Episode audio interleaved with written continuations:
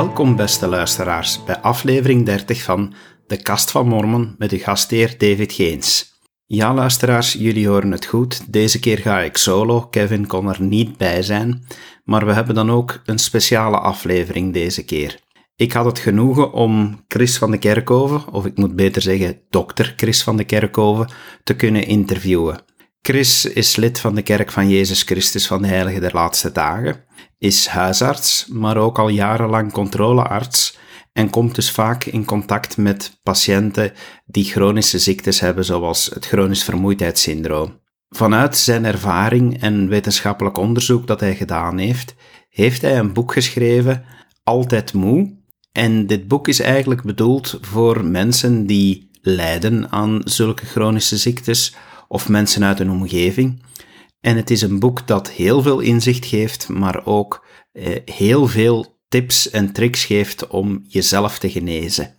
En bevonden dit zeker de moeite om onze collega-heilige der laatste dagen hierover te interviewen. En we nodigen jullie dan ook van harte uit om te genieten van dit interview. Beste luisteraars, ik zit hier samen met dokter Chris van Kerkhoven. Hij is uh, adviserend geneesheer uh, en al jarenlang huisarts.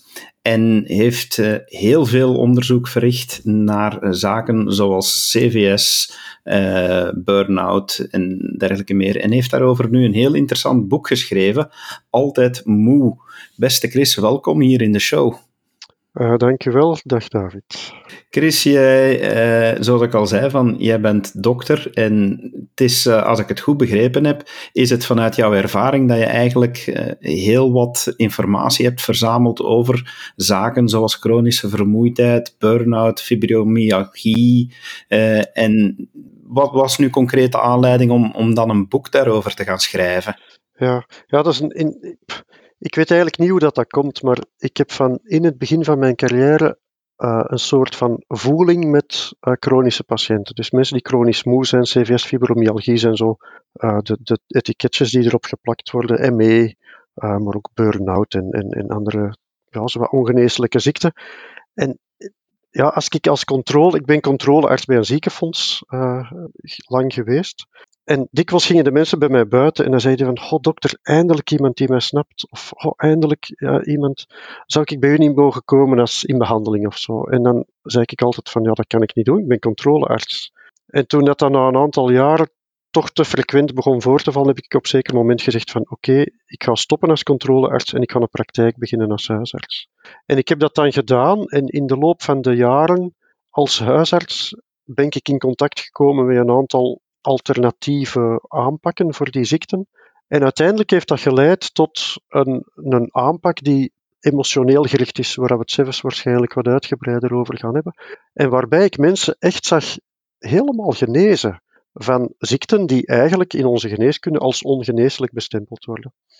En toen dat ik um, na vijf jaren dat te doen als huisarts uh, eigenlijk in financiële nood kwam, want ik was ja, een uur, anderhalf uur bezig per patiënt en dan kun je als huisarts 20 euro vragen.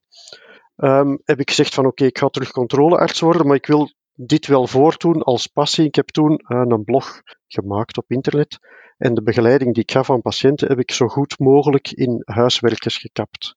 Dus ik kreeg toen via die blog, stuurden de mensen mij een e-mail en dan stuurde ik gewoon gratis zo die uh, huiswerkpakketjes op. En op die manier heb ik vrij veel mensen geholpen. Die blog die was uiteindelijk uh, is die al meer dan 60.000 keer bezocht. Um, en de concrete aanleiding voor het boek is gekomen omdat op zeker moment, vet tweeërlei, eigenlijk een, heel mooi verhaal. Ik was op de trein uh, Gordon B. Hinckley aan het uh, lezen ter voorbereiding van de zondagschool of van de les in de politieschap. En terwijl ik dat aan het lezen ben, voelde ik heel specifiek van, ik moet een boek schrijven. Dus ik ben toen op mijn werk gekomen en ik had de voorbije jaren waren er al veel mensen die hadden gezegd, oh Chris, je moet er eens een boek over schrijven. En ik had altijd al gereageerd, nee, ik moet geen boek schrijven, ik moet boeken lezen. Elke keer dat ik een boek lees, dan denk ik van, oh, dat is zo interessant en zoveel dingen die ik bijleer.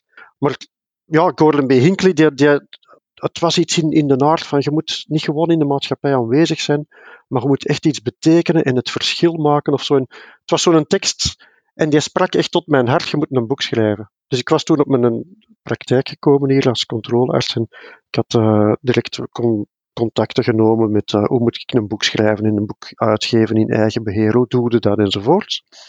En de volgende dag krijg ik een e-mail van een patiënt die schrijft: Dokter Van Kerkhoven, ik heb via uw blog en via de huiswerkjes ben ik helemaal genezen. Mijn huisarts had mij verwezen naar uw blog. Ik was verlamd aan een arm. Ik had uh, chronische vermoeidheid. Ik had uh, fibromyalgie. Ik raakte totaal vast. Er was niemand die mij nog kon helpen. En die oefeningen hebben mij geholpen. Maar ik ben journalist en redacteur. Ik wil graag dat jij er een boek over schrijft en ik zal u begeleiden. En dus voor mij was dat gewoon op twee dagen tijd, ja, heel mijn dingen dat in elkaar, heel mijn redenering van ik moet boeken lezen, ik moet geen boeken schrijven, dat viel in elkaar. En dan was zo van, ja oké, goed, ik moet een boek schrijven. En dan ben ik eigenlijk begonnen met alle informatie die ik had, de blog en de huiswerkjes die ik al zoveel jaren eigenlijk naar de patiënten opstuurde. Uh, en die redacteur heeft daar een verhaallijn in gecreëerd en dan hebben we dat herlezen en gezien, ja, dit moet ik nog wat wetenschappelijk ondersteunen, dit moet ik nog wat verfijnen. Hier moet ik nog wat voorbeelden bij creëren enzovoorts. En uiteindelijk heeft dat dan geleid tot een boek. Ja, ja. nu, wat dat ik heel opvallend vind in het verhaal dat, je brengt in, in je boek, en dat duidelijk gebaseerd is op, je jarenlange ervaring, is dat jij duidelijk zegt van kijk, je kan jezelf genezen van deze chronische ziekte. En chronische plaats ik dan bijna tussen aanhalingstekens, uh, ook als ik het uitspreek, als ik, uh, als ik, uh, op basis van wat dat ik uit jouw boek geleerd heb. En dan, dan zeg je eigenlijk van, kijk, we bekijken dat in de klassieke geneeskunde op een andere manier, maar je moet, je moet dieper op zoek gaan. Of, dat, dat heb ik dan toch wel begrepen uit je boek, mag ik zeggen. Ja, klopt. Dus eigenlijk de, de, term chronische ziekte in onze klassieke geneeskunde wil zeggen, kijk, je bent ziek, je hebt een aantal symptomen en we kunnen het niet oplossen. En in die zin zeg ik van ja, oké, chronische ziekte bestaat eigenlijk niet, want je kunt die wel oplossen, die mensen die genezen volledig. En bovendien, ze genezen zichzelf volledig. Hè, want er is nog geen enkele dokter die ooit een patiënt heeft genezen als, er, als je bij mij komt met een grote snijwonde, het enige wat ik kan doen als dokter is die snijwonden zo dicht mogelijk bij elkaar leggen en zorgen dat het terrein zo proper mogelijk is. En dan moet ik voor de rest achteroverleunen en hopen dat onze lieve neer en, en de wijsheid van uw lichaam het herstelt. Want ja, het, het, genezingsproces is iets wat uw lichaam zelf doet. En dat is ook zo bij chronische ziekte. Het enige wat wij kunnen doen als artsen is zorgen voor een, een gunstig terrein en dat uw zelfgenezend vermogen actief is. En op het moment dat uw zelfgenezend vermogen actief is, dan herstelt uw lichaam zichzelf. Zo simpel is het eigenlijk. En dat gaat dan niet over uh, psychische aandoeningen of wat dan ook, maar ook echt helemaal ja, ziekten die met de immuniteit te maken hebben of die, ja, die wij echt als ongeneeslijk beschouwen. Uw zelfgenezend vermogen is de beste dokter die je kent. We hebben eigenlijk alles on board hè, en we moeten het gewoon activeren of actief laten zijn. En dat is iets wat we in onze geneeskunde totaal verleerd zijn, uh, om, om ja, aandacht te geven aan het zelfgenezend vermogen.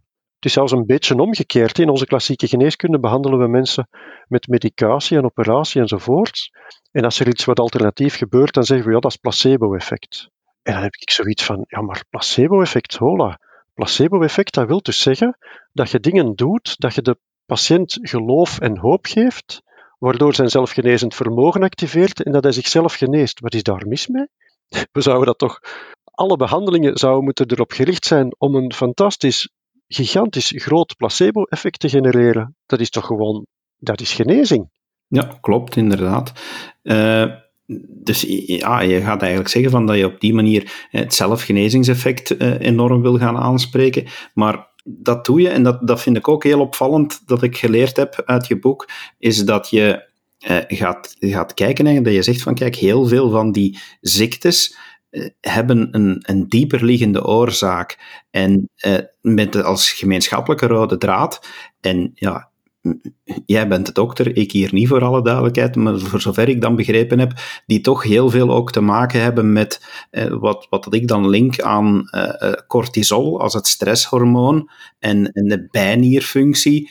En dat je zegt van oké, ja, het komt eigenlijk ook voor een heel groot stuk van dat er problemen zijn, eh, onderliggende problemen, die dat daar voor een overprikkeling zorgen. Of heb ik het nu te eenvoudig gezegd? Nee, het is, het is eigenlijk um, de nagel op de kop. Hè. Dus wat er, uh, waar wij in onze geneeskunde een beetje um, blind voor geworden zijn, dat is dat fysieke klachten die zich in het lichaam manifesteren, uh, die komen daar via uh, een, een, oorzaak. Hè. Er, is altijd een, een, aanleiding die leidt tot een fysieke klacht. Als ik ergens pijn ervaar, hè, als, bijvoorbeeld, als voorbeeld een fibromyalgie-patiënt nemen. Dat zijn mensen die constante pijnen hebben. En we vinden niet goed waarvan dat, dat komt. Maar als je gewoon de vraag stelt, oké, die pijnen, waarvan zouden die kunnen komen? Die mensen hebben vooral spierpijnen. Nu, de cortisol waar we het er juist over had, dat is eigenlijk het eindproduct. Eigenlijk is cortisol, als je dat opzoekt op Wikipedia of in een woordenboek, cortisol is ons stresshormoon. En dus uh, het stresshormoon zorgt samen met adrenaline voor spierspanning. Als je spieren continu aangespannen zijn, ja, dan zal het wel zijn dat je na een tijd spierpijnen hebt. Wat opvalt bij die fibromyalgie-patiënten is dat ze naast die spierpijnen ook heel veel last hebben van aangespannen spieren. Dus dat klopt helemaal daarmee. Ze hebben ook last van spierkrampen. Hè, en spasmofilie gaat er dikwijls mee gepaard. Dus dat klopt helemaal in dat plaatje van oké, daar is in dat ziektebeeld eigenlijk een probleem van continu aangespannen spieren. En als je dan kijkt, oké, wat veroorzaakt continu aangespannen spieren, dat wordt gestuurd vanuit het zenuwstelsel en vanuit het hormonenstelsel als je stresssysteem actief is. En dat is iets wat je perfect kunt voelen op het moment dat je gestresseerd bent. Dan voelde dat je schouders wat opgetrokken zijn en dat je spieren wat aangespannen zijn. Dus de vraag is dan, oké, hoe komt het dat het zenuwstelsel en het hormonenstelsel continu uh, in de stressmodus verkeren? En er is een enorme les te leren over stress uh, die eigenlijk in 1936 al geleerd is en die wij totaal niet meer toepassen in de geneeskunde. En als we gewoon dat nog maar zouden toepassen, dan zou wel enorm veel problemen oplossen. In 1936 is de, denk ik toen, eerste doctoraatsthesis van uh, Hans Selye uitgekomen. En dat is de man die uh, eigenlijk het woord stress ja, in de geneeskunde heeft geïntroduceerd. Hè. Voor hem bestond stress alleen over in de materiaalleer, gaat stress op materialen enzovoort. Maar hij heeft dat geïntroduceerd en gezegd van kijk, uh, stress is een probleem in, onze, uh, in ons lichaam en zorgt voor ziekten op lange termijn. En als, als een mens op stress komt, je komt in een wijne stier tegen, je hebt er even stress van, je loopt weg van die stier, je springt over dat hek en klaar is Kees. Je herstelt en je komt terug tot je basislijn. Maar als je in de stress blijft, als ik bij die stier blijf staan, dan gaat de spierspanning die onmiddellijk intreedt op het moment dat ik die stier zie, dan gaat die spierspanning blijven aanslepen. En op het moment dat je stresssysteem chronisch activeert, dan ga je uiteindelijk uitputtingsverschijnselen krijgen. Dus de, de bijnieruitputting, eigenlijk is de bijnier de eindschakel van de hormonale cascade die met stress te maken heeft. Die begint met de hypothalamus, dan de hypofyse en dan de bijnier. En de bijnier die maakt uw cortisol en die maakt uw adrenaline en uiteindelijk raakt die bijnier uitgeput gelijk een citroen, omdat die gewoon continu overactief is. Dus wat is er bij heel veel mensen te, te horen? Dat is dat ze een fase hebben meegemaakt waarbij dat ze Superman en Superwoman waren. Ze konden hun job combineren met uh, een moeilijke thuissituatie en met nog de zorg voor een zieke en nog voor met een verhuis of wat dan ook. En andere mensen vroegen van, hoe doe je dat toch? En ja, ze deden dat. En ze voelden zich bovendien super en gezond en geen klachten op dat moment. Op dat moment zit je eigenlijk in een chronisch uh, stress overactivatie, maar nog niet met uitputting. Dus uw bijnier is nog niet uitgeput en die maakt gewoon voldoende cortisol en voldoende adrenaline en er zijn nog voldoende reserves in uw lichaam. En je zei, ja, je kunt dat een aantal, sommige mensen tientallen jaren volhouden, andere mensen maar een jaar of een maand. Hè. Afhankelijk van hoeveel balans dat er nog in je leven komt. Maar op zeker moment geraakt dat uitgeput en dan beginnen de symptomen te komen. En dan krijgen de mensen ineens ja, pijn en vermoeidheid. En dikwijls zijn dat zo de eerste klachten die optreden. Hè. Ze worden moe. ik sta morgens op en ik ben moe. Dat klopt toch niet? Of ik heb altijd zo pijn, ik voel me altijd gespannen, ik kan precies niet meer echt tot ontspanning komen. En dan, dan begint het heel het plaatje mis te lopen. Nu, heel kort samengevat kun je dus zeggen, chronische ziekte wordt veroorzaakt door chronische stress. Maar als ik mensen zie die uit een burn-out komen bijvoorbeeld, dan zeggen die van, ja, dat klopt, ik ben jaren over mijn uh, grens gegaan en ik heb jarenlang uh, veel te veel gewerkt en veel te weinig ontspanning gekeken en, en altijd mijn eigen maar weggecijferd enzovoort. En ja, omdat ik dat twintig jaar lang heb gedaan, ja, en ik zit nu nog maar een jaar thuis, dus dat gaat nog wel een tijd duren voordat ik ervan recupereer. En, dat is, en daar klopt het verhaal niet meer. Dat is niet waar. Als je twintig jaar over je grenzen gaat, er komt een moment dat je reserves uitgeput zijn en dat je lichaam decompenseert. En op dat moment worden ziek. Als je op dat moment stopt met werken en je neemt rust, dan is je lichaam na een week, twee weken gerecupereerd. Het grote probleem is dat wij stress alleen maar definiëren als te veel.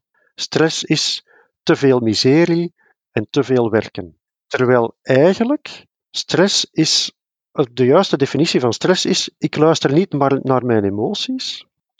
En ik heb eigenlijk, ik definieer stress graag als te weinig. Namelijk te weinig grenzen naar onrecht en naar oneerlijkheid toe.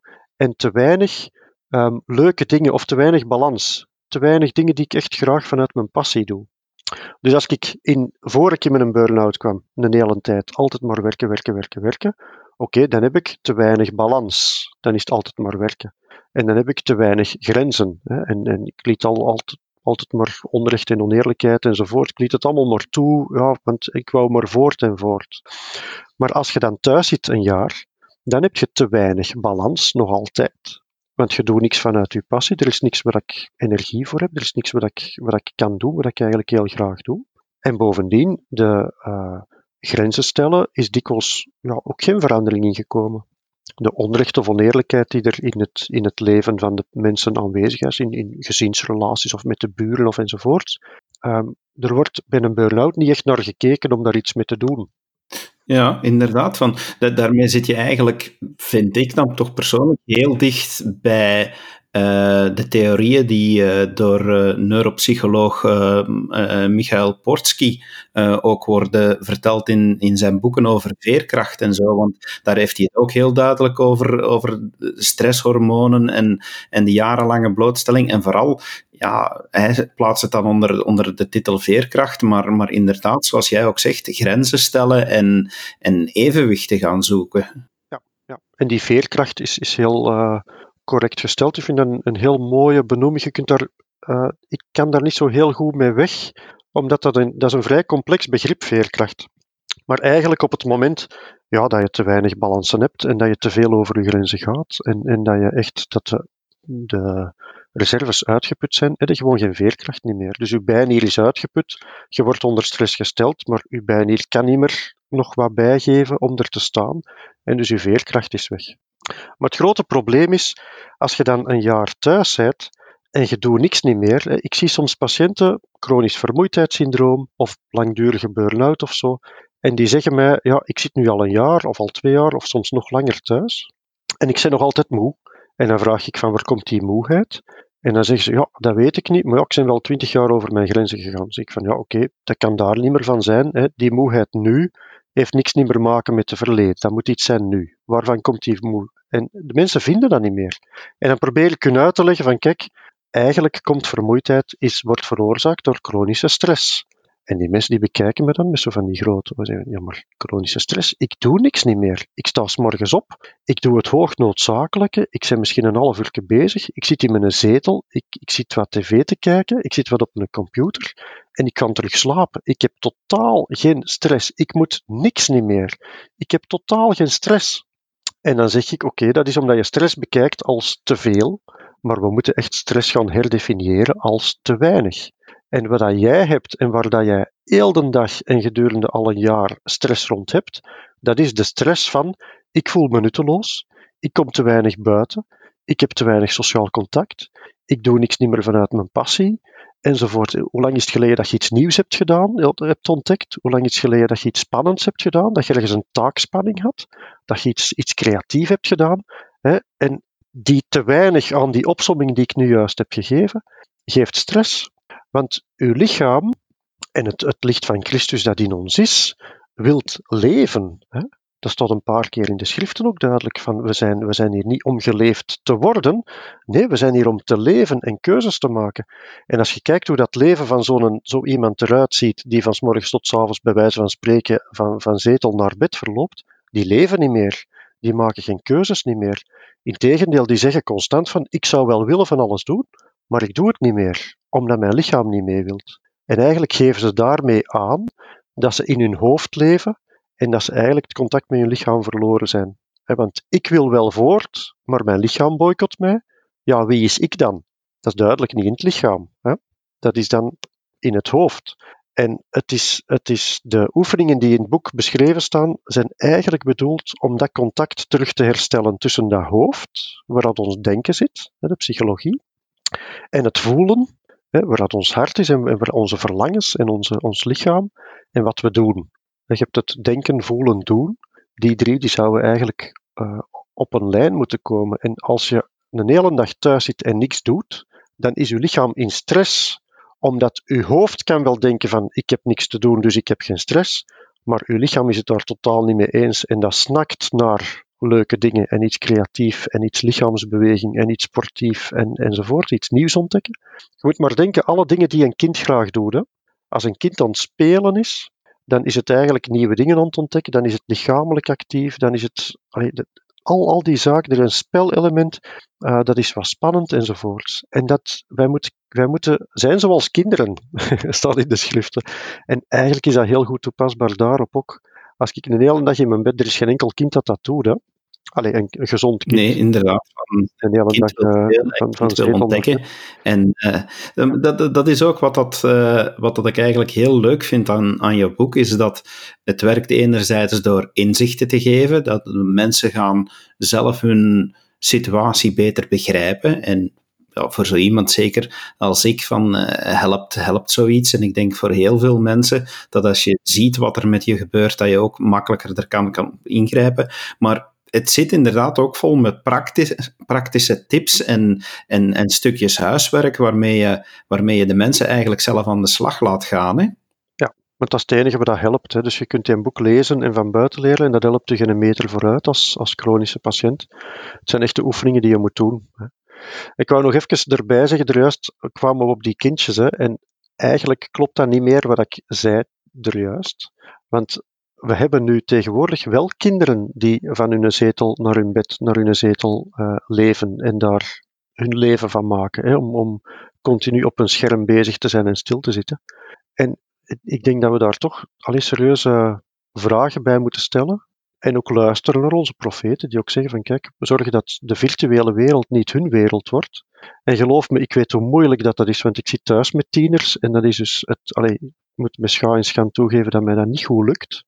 Maar voor de gezondheid van die kinderen is het echt abominabel. Het is, het is uh, een zeer slecht idee om uh, niet voldoende balans te creëren in, in uw kinderen hun leven ook. Dus buiten komen, lichaamsbeweging, uh, creatieve dingen doen, nieuwe dingen ontdekken, iets spannends doen.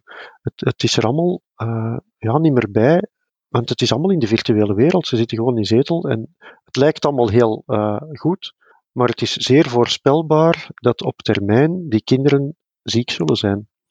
Dus het is eigenlijk ook wel een heel belangrijke tip die je nu geeft aan ouders, is van zorg dat je kinderen buiten komen, dat ze sociale contacten leggen. Maak dus zeker ook gebruik van alle mogelijkheden hè, die, die er zijn, alle activiteiten die worden georganiseerd, hè, bijvoorbeeld bij ons in de kerk. Dus uh, zeer, zeer belangrijke tip voor ouders lijkt meer dan toch.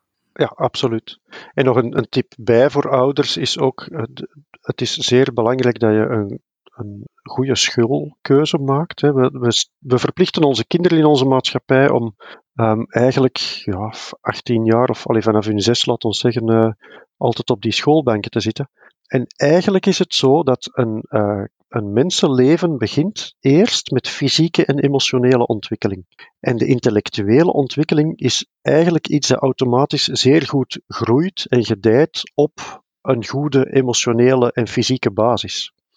En waar het in ons uh, schoolsysteem enorm misloopt, is dat wij kinderen al vanaf kleuterleeftijd beginnen te stimuleren intellectueel. Hoe vroeger, hoe beter, lijken we wel te, te denken.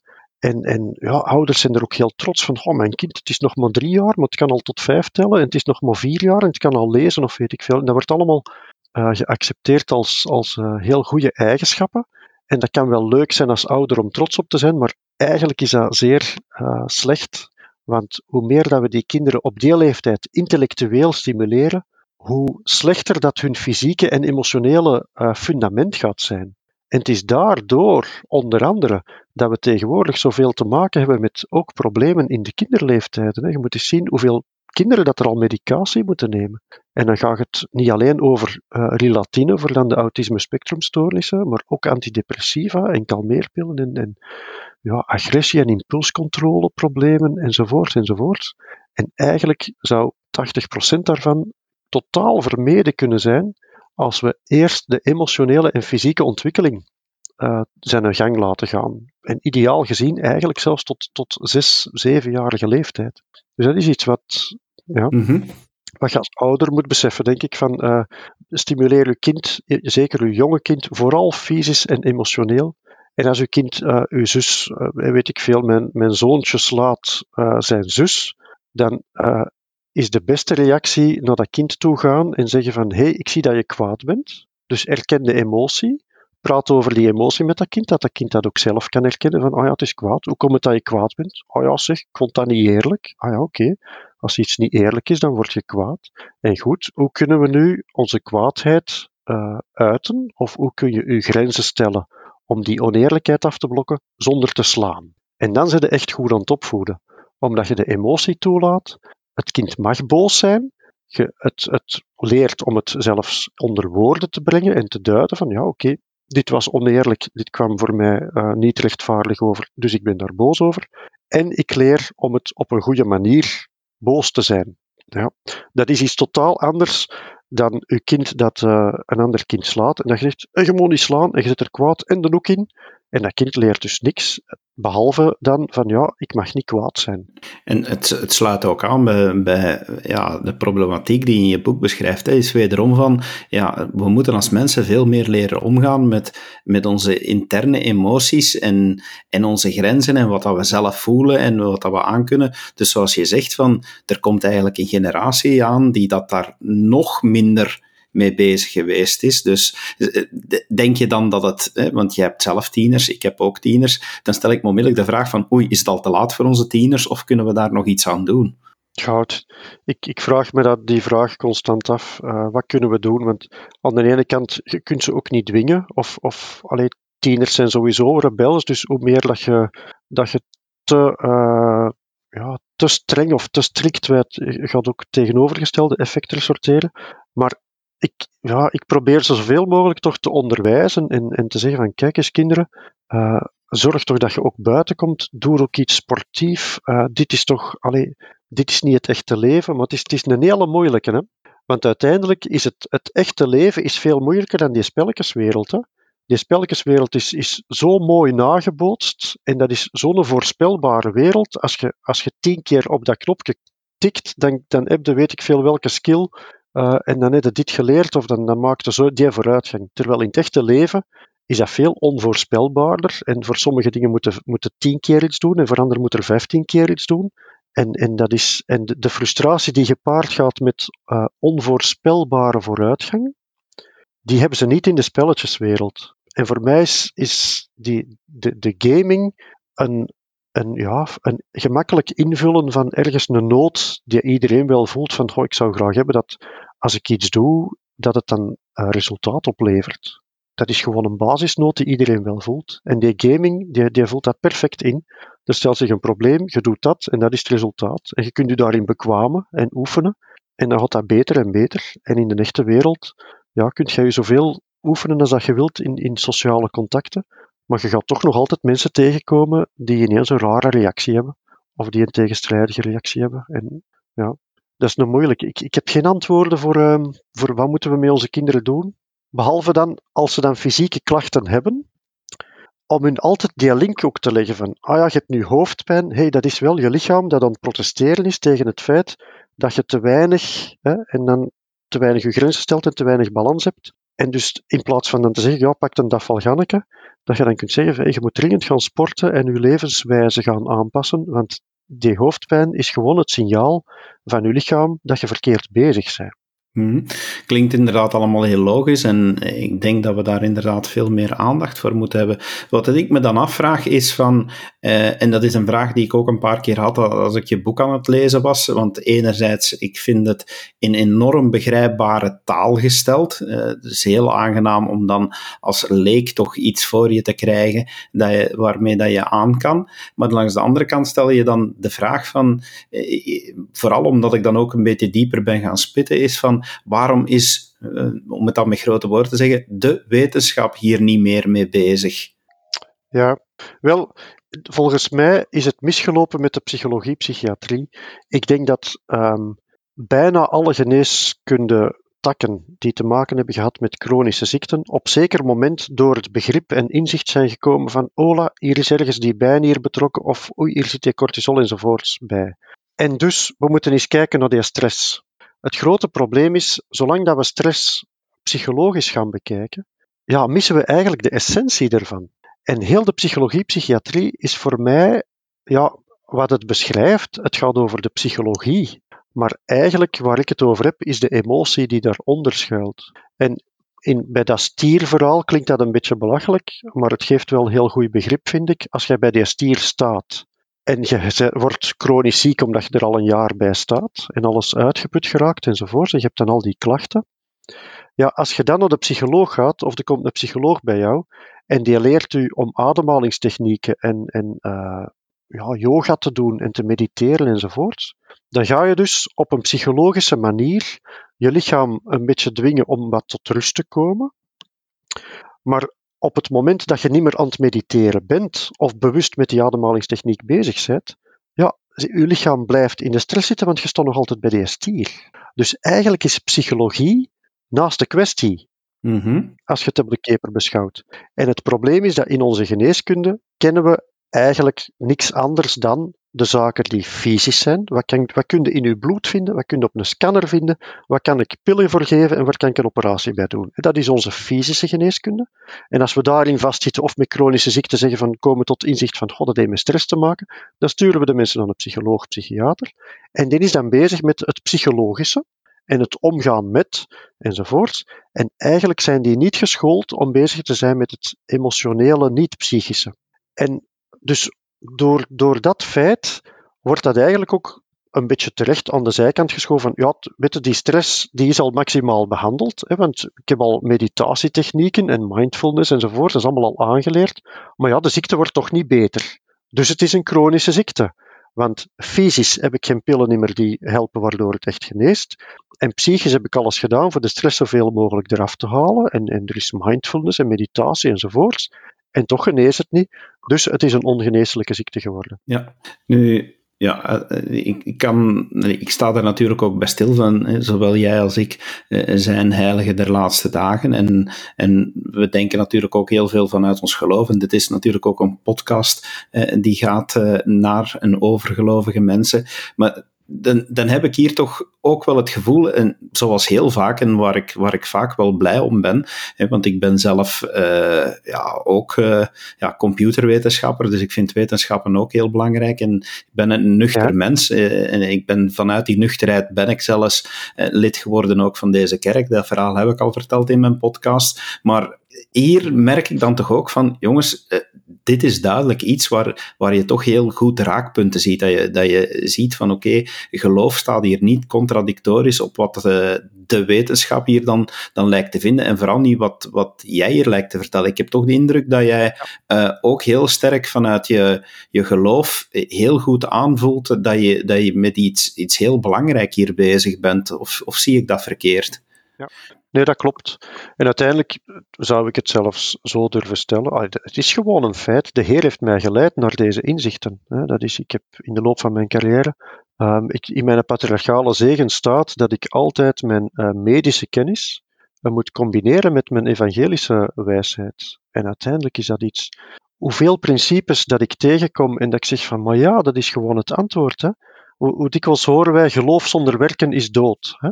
Maar als je dat toepast op, op heel dat verhaal dat ik nu juist aan het doen heb geweest over de psychologie, waar je zegt van oké, we gaan mindfulness en een meditatieoefening en, en wat ademhalingsoefeningen, maar we veranderen niks in ons leven. Hè? Het, het is eigenlijk een soort geloof zonder werken. waar het, vind ik, een, een beetje moeilijk is, is als het gaat over. Ik zeg van je moet minder je emoties onderdrukken. Mhm. Je moet meer je emoties toelaten en ernaar handelen. En waar het een beetje moeilijk in ligt, of op ogenschijnlijk toch, dat is met kwaadheid. Hè. Dus je moet toch wel uh, kwaad kunnen zijn. Terwijl ik denk dat soms of dikwijls mensen geloven uh, dat, je, ja, dat Christus nooit kwaad is geworden of zo. Terwijl uiteindelijk is dat wel gebeurd. Hè. Aan, aan de tempel heeft hem zelfs de tafels omvergesmeten. Hè. Dus dat hem daar vond en zei van kijk, dit is echt de grens over. Dit is niet oké, dit is niet rechtvaardig. Ik grijp hierin en ik verander de situatie. Ja. Of als we zeggen van ja, uh, heel veel christelijke mensen zeggen van ja, ik cijfer mijn eigen altijd weg. En dat is toch een heel christelijke eigenschap. Maar Christus was aan het onderwijzen en er waren nog een hoop mensen die, die graag bij hem wilden blijven. Maar hij had nood aan balans en even tijd voor zichzelf. En hij stapte op een boot en hij ging naar het midden van het meer. En de mensen moesten even uh, zonder hem. En allee, het, is de, de, principes die we zien. Ik denk dat wij soms een, een, uh, een vervalst beeld krijgen van ik, dat we verkeerdelijk denken dat een echt christenmens, die moet maar over zich heen laten lopen en zichzelf wegcijferen. En die mag nooit iets voor zichzelf doen. En die moet alle onrecht maar gewoon uh, over zich laten glijden. En dat is verkeerd, denk ik. Mhm. En ik denk dat we dat ook onderwezen krijgen in onze kerk. Ja, wel, ik denk uh, dat je daar iets, iets heel uh, belangrijk hebt aangereikt. Uh, het zijn, heel veel dingen om, om bij stil te staan. Nu, ik denk eh, dat we hier echt eh, een, heel mooi verhaal hebben eh, gebracht naar onze luisteraars. Van, ik kan zeker iedereen aanraden om, om het boek eens te lezen, Altijd Moe en Chronische Pijn. Eh, de ondertitel is, is even veelzeggend, vind ik. Genees jezelf van CVS, burn-out, migraine en andere uitputtingsziekten. Eh, dus wie het boek zeker nog wil lezen, die kan het vinden. Auteur Chris van Kerkhoven, nog volop te krijgen via de online boekstores en heel veel boekenwinkels. Chris, heel hartelijk eh, dank dat je deze toelichting hebt gegeven. Was zeer leerrijk. Eh, dank je wel daarvoor. En ik denk dat heel wat luisteraars uh, heel benieuwd zullen zijn om, uh, om hiermee aan de slag te kunnen gaan. Want ik weet dat er toch wel heel wat mensen zijn die achter onzichtbare muren problemen hebben met al deze dingen die jij hebt beschreven. Dus dank je wel voor je tijd om, om hier aanwezig te willen zijn. Dat is heel graag gedaan, dank je wel. Wow, was dat geen interessant interview, beste luisteraars? Er zitten heel wat nuttige tips in, niet alleen voor mensen die sukkelen met chronisch vermoeidheidssyndroom en burn-outs, maar ook uh, voor alle heiligen der laatste dagen. Onder andere de tips over hoe omgaan met kinderen en hoe belangrijk het toch wel is om hen creatief en actief bezig te laten zijn, zijn heel opmerkelijk. Ik werd eigenlijk ook heel stil van het feit dat Chris heel wat van zijn theorieën kon onderbouwen met evangelische kennis en met feiten die inderdaad zo uit de schriften te plukken zijn. Ik heb zelf ooit een burn-out gehad en ik heb daar inderdaad ook mee gesukkeld en ik heb geluk gehad om daar hulp bij te krijgen van mensen die ook wel inzagen dat ze naar de diepere problemen moesten gaan en ik zie ook heel wat van de dingen die Chris vertelt als een goede uitleg van wat het probleem uiteindelijk is. Ik heb zelf jarenlang boven mijn kunnen rondgelopen en plots denk je van dit lukt allemaal niet meer. Maar ik ben daar in een paar maanden uitgeraakt doordat ik hulp heb gekregen van iemand die inderdaad ook ging kijken naar de dieperliggende oorzaken waarom plots die energie niet meer mogelijk was. Dus ik kan wel zeggen dat nu, door het lezen van Altijd Moe, dat ik beter snap wat er allemaal in ons lichaam gebeurt. En dat het toch wel nodig is om daar blijven bij stil te staan. Maar ook dat we heel veel kunnen uit de schriften leren, zoals Chris al aangaf. En namelijk dat daarin staat dat de mens gemaakt is om vreugde te kennen. En die vreugde die moeten we ook zoeken. En dat is een actief iets. Elder Bednar getuigt in heel veel van zijn toespraken over het feit van dat we moeten handelen in plaats van behandeld te worden. En dat we dingen zijn die, eh, of beter gezegd, dat we actoren zijn en geen dingen zijn die zomaar passief moeten blijven. Dus laat ons die raad ten harte nemen en van dit interview ook leren dat we actief aan de slag moeten gaan.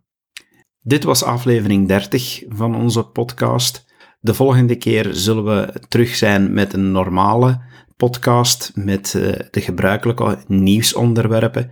Die gaat er al heel snel aankomen, want we hopen toch ook een overzicht te kunnen maken van wat 2018 was. Intussen tijd wens ik jullie allemaal nog een fijne tijd. Geniet van de feestdagen en tot de volgende keer. Dag!